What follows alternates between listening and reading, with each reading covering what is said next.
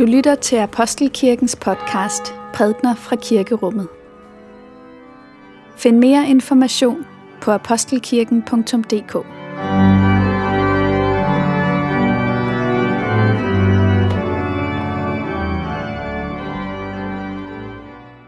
God morgen og velmødt til gudstjeneste på denne 22. søndag efter Trinitatis. Det er som sagt 22. søndag efter Trinitatis. Temaet for dagens gudstjeneste, det er forsoningens vej. Vi skal høre lignelsen om den gældbundne tjener. Og så har vi i dag besøg af Ardas Raat, en øh, iransk pianist, som vil spille både postludium, præludium, interludium og postludium for os i dag. Og øh, noget af musikken er iransk inspireret. Lad os nu blive stille og forberede os til gudstjenesten, mens vi lytter til bedeslagene. Lad os takke for Guds ord. For Guds ord i skriften, for Guds ord i blandt os, for Guds ord inden i os, takker vi dig, Gud. Og vi skal læse fra første Mosebog. Da Josef brødre så, at deres far var død, sagde de, hvad nu hvis Josef vil stræbe os efter livet og gengælde os alt det onde, vi har gjort imod ham? De sendte så den besked til Josef. Din far befalede os før sin død at sige sådan til dig. Tilgiv dog dine brødre deres overtrædelser og synd.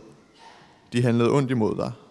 Så tilgiv nu den synd, din fars Guds tjenere har begået.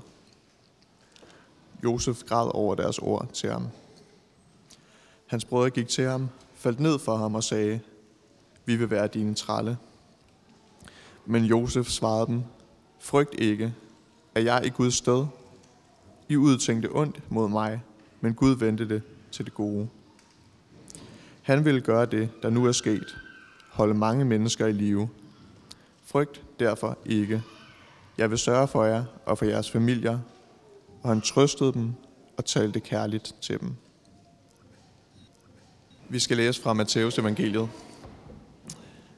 Der kom Peter til Jesus og spurgte, Herre, hvor mange gange skal jeg tilgive min bror, når han forsønder sig imod mig? Op til syv gange. Jesus svarede ham, jeg siger dig, ikke op til syv gange, men op til 77 gange. Derfor, himmeriget ligner en konge, der vil gøre regnskab med sine tjenere. Da han begyndte på regnskaberne, blev en, der skyldte 10.000 denarer, ført frem for ham. Da han ikke havde noget at betale med, befalede hans herre, at han og hans kone og børn og alt, hvad han ejede, skulle sælges og gælden betales. Men tjeneren kastede sig ned for ham og bad, Hav tålmodighed med mig, så skal jeg betale dig det alt sammen. Så fik den tjeners herre medynk med ham og lod ham gå og eftergav ham gælden. Men da den tjener gik ud, traf han en af sine medtjenere, som skyldte ham 100 denarer. Da, øh, og han greb ham i struben og sagde, betal hvad du skylder. Hans medtjenere kastede sig ned for ham og bad, Hav tålmodighed med mig, så skal jeg betale dig. Det ville han ikke, men gik hen og lod ham kaste i fængsel, indtil han fik betalt, hvad han skyldte. Da hans medtjenere nu så, hvad der var sket, blev de meget bedrøvede og gik hen og forklarede deres herre alt, hvad der var sket. Da kaldte hans herre ham frem for sig og sagde, Du onde tjener, al den gæld eftergav jeg dig, da du bad mig om det burde du så ikke også forbarme dig over din medtjener, ligesom jeg forbarmede mig over dig? Og hans herre blev vred og overlod ham til bødlerne, indtil han fik betalt alt, hvad han skyldte. Sådan vil også min himmelske fader gøre med hver eneste af jer, der ikke af hjertet tilgiver sin broder. Lad os bede. Må min munds ord og vores hjerters tanker være dig til behag, Gud. Amen. Hvor mange gange skal jeg tilgive min bror? Er syv gange nok? Det er det spørgsmål, som Simon Peter i dagens tekst stiller mesteren Jesus. Det er altså et spørgsmål om tilgivelsens grænse. Hvornår er nok nok? Hvornår, man, hvornår når man dertil i en relation, at man må sige, nu er der sket noget, som gør, at det her, det er en gang for alle forbi. jeg kan tillade mig at gøre mig færdig med det menneske, jeg har over for mig. Hvor ligger det punkt? Er det efter syv gange? Vi skal bemærke, at i, øh, i, i, Jesu, i Peters måde at formulere det her spørgsmål på, så er der altså ikke tale om, hvornår har en handling en sådan kvalitet, at man må sige, det her, det er for groft. Altså, det er i og for sig ikke, hvad skal man sige, øh, øh, forbryderen over for offeret, øh, problematikken. Nej, det, det er gentagende. Altså, det handler ikke om kvalitet, det handler om kvantitet. Hvornår er det mange gange nok, det er blevet gentaget?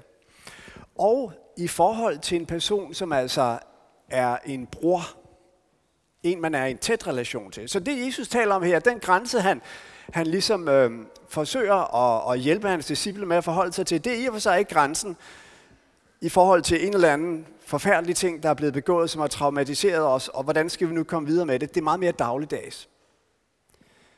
Det handler om de der mønstre, om den irritabilitet, om den stille vrede, som kan opstå i forholdet til mennesker, som vi deler vores liv med. Om ægtefæller, om søskende, om venner, om kolleger. Alle disse relationer, hvor der er gentagelser på spil, hvor der er mønstre, og hvor vi står i en fare for, at disse forhold ligesom mister deres åbenhed, at vi lever sammen uden længere at dele liv med hinanden. Det er den problematik, som tematiseres med øh, Peters spørgsmål til Jesus i dagens tekst. Den stille vrede, det uforsonlige sind, som over tid ligesom opbygger en form for mur i forhold til det menneske, som man i grunden, i grunden står nært. Og lige pludselig finder man ud af, at man befinder sig i et nedbrændt landskab. At fuglene ikke længere synger, at der ikke længere er noget grønt, der spiger fra grunden af. At ordene ikke længere forbinder os, men at det er blevet våben, som vi bruger til at beskytte os mod hinanden. At man lægger strategier mod hinanden. At man lægger fælder, og man holder øje med den andens bevægelser. Så hvad har Jesus at sige til os ind i den situation? Jo, hans budskab til os er i og for sig ganske klart og enkelt.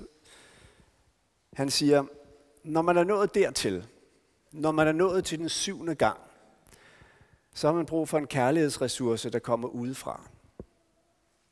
Så kan man ikke længere mobilisere sig selv og sige, tag dig nu sammen. Nej, så har man brug for at besinde sig på det, der ifølge hele den store bibelske fortælling er grundvilkåret for os mennesker, nemlig at vi er elsket med en kærlighed, der ikke stiller betingelser. At vi er tilgivet. Og den tilgivelse, som allerede har nået os, er en sådan art, at den ikke tæller. Den spørger ikke til, hvornår vi har nået syv, eller 77 for den sags skyld. Beregning er ikke en del af den kærlighed, som Gud elsker os med, og som er åbenbaret i Kristus. Hvordan får vi så adgang til den her ressource udefra, som kan øh, nå os og være med til at forvandle vores øh, forhold? Ja, vejen til den ressource er ikke nogen helt let vej. For den handler blandt andet om at vende blikket indad og at erkende, hvor ofte det er os, der har været fanget i mønstre, som ikke har været sunde og gode. Hvor ofte det er os, der har behandlet vores medmenneske som et middel, snarere end et mål i sin egen ret. Hvor ofte det er os, der har været uopmærksomme på et sårbart menneske på vores vej, fordi vi var lidt for optaget af at nå vores eget mål. Alle den slags småting i dagligdagen, ting vi måske knapt mærker os, knap erindrer ved dagens ændring, øh, ende, men som ikke desto mindre er et mønster. Små øjeblikke, som alle sammen bekræfter, at vi mennesker er lukket ind i os selv, er selvkredsende på en måde, som er ødelæggende for vores omgivelser. Det er det, som er forudsætningen for det øh, budskab, som evangeliet siger til os i dag, at vi er altid allerede elsket. Vi er tilgivelse. Der er en tilgivelse, der møder os og går forud for den tilgivelse, som vi skal dele med hinanden. Nu tror jeg ikke, at, at Jesu ord i dagens tekst om, at tilgivelsen altså i sidste ende ikke har nogen grænse, betyder, at vi så bare ligesom skal stille os til rådighed som dørmårder for andre mennesker. Det er faktisk vigtigt at sætte grænser. Og det er vigtigt at insistere på, at andre mennesker respekterer vores grænser. Og gør de ikke det, så kan det være nødvendigt for en tid at sige, jeg tror ikke, vi skal se hinanden. Det kan være nødvendigt at lægge afstand til. Men det at lægge afstand er ikke det samme som den uforsonlighed, som beskrives i dagens tekst. Uforsonligheden, det er bevidstheden om, at det andet menneske har man ligesom en gang for alle afskrevet som et rigtigt menneske, et ordentligt menneske. Det har misbrugt sin sidste chance. Og dermed har man i virkeligheden afskrevet det menneske for dets adgang til den store øh, kærlighedskilde og barmhjertighed, som ligger i evangeliet om Jesus Kristus. I den forgangne uge har fire her fra menigheden været på en rejse til Syrien.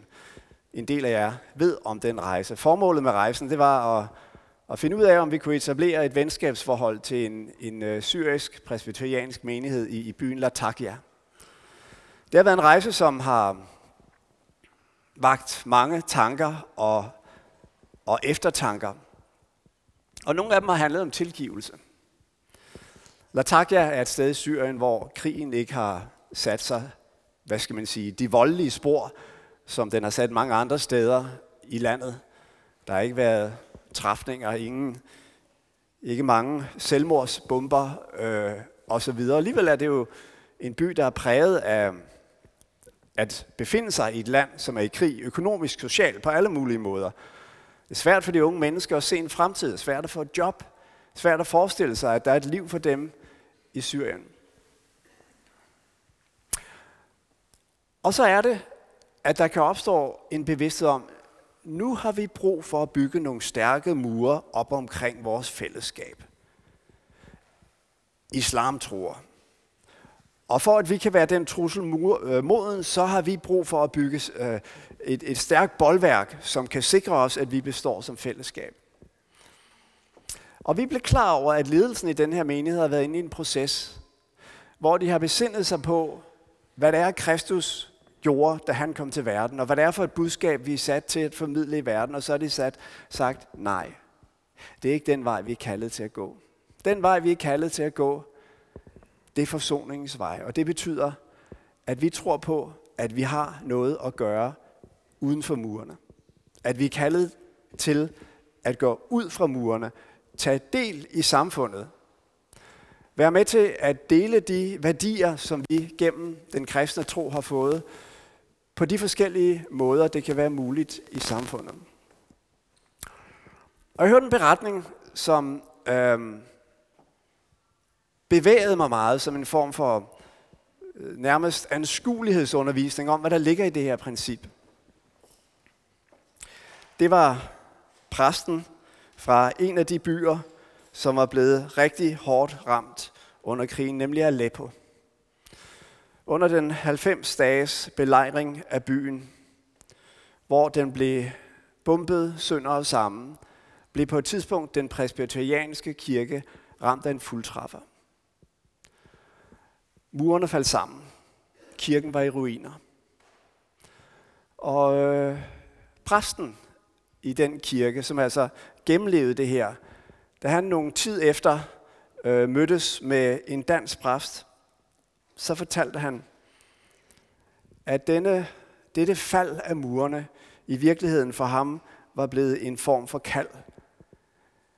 En bevidsthed om, at nu er det ikke længere bag murene. Nu er det i fællesskabet med de andre, at kampen står. Og han fortalte om, hvordan at i den situation i Aleppo, hvor man manglede vand, at kirken var blevet et center til at formidle øh, vand til, til naboerne. Så her har vi den samme princip, det samme ressource, som kommer udefra. Ikke bare inden fra vores egen kærligheds- og forsoningstrang, men i troen på, at Gud har grebet ind i vores historie, at han har sendt sin søn, at vi altid allerede er elskede på grund af det, Kristus har gjort for os. Det er den ressource, som gjorde, at præster, eller nogle præster i den presbyterianske kirke, havde viljen til ikke bare at gemme sig bag murene, men at gå ud i samfundet. Det er den samme ressource, som skal for os i de relationer, vi står i, de relationer, hvor vi måske synes, at vi efterhånden har været tålmodige længe nok, og holde ud og tro på, at Gud har en historie med hvert eneste menneske. Og vi er en del af den historie, og det er de mennesker, vi er sat i blandt også, også selvom det kan være svært at relatere til dem. Lov og tak og evig ære være dig, vor Gud, Fader, Søn og Helligånd. Du som var og er og bliver en sand treenig Gud, højlovet fra første begyndelse, nu og i al evighed. Herre, så beder vi dig, at du vil hjælpe os til at gå forsoningens vej. Vi oplever ikke i vores samfund traumer på samme måde, som de gør i Syrien. Og dog har vi hver vores kampe, hver vores områder, hvor forsoningen kræver noget af os. Hjælp os der at søge ind til den ressource, til den kilde, som er Guds kærlighed til os i Jesus Kristus. Og for den hente styrke til at leve vores liv i forsoning, i tilgivelse. Så at det igen kan begynde at blomstre og spire, og fuglene igen kan begynde at synge. Og vi kan få lov at erfare, at vi er en del af dit rige, af din store plan for menneskehedens genoprettelse. Amen.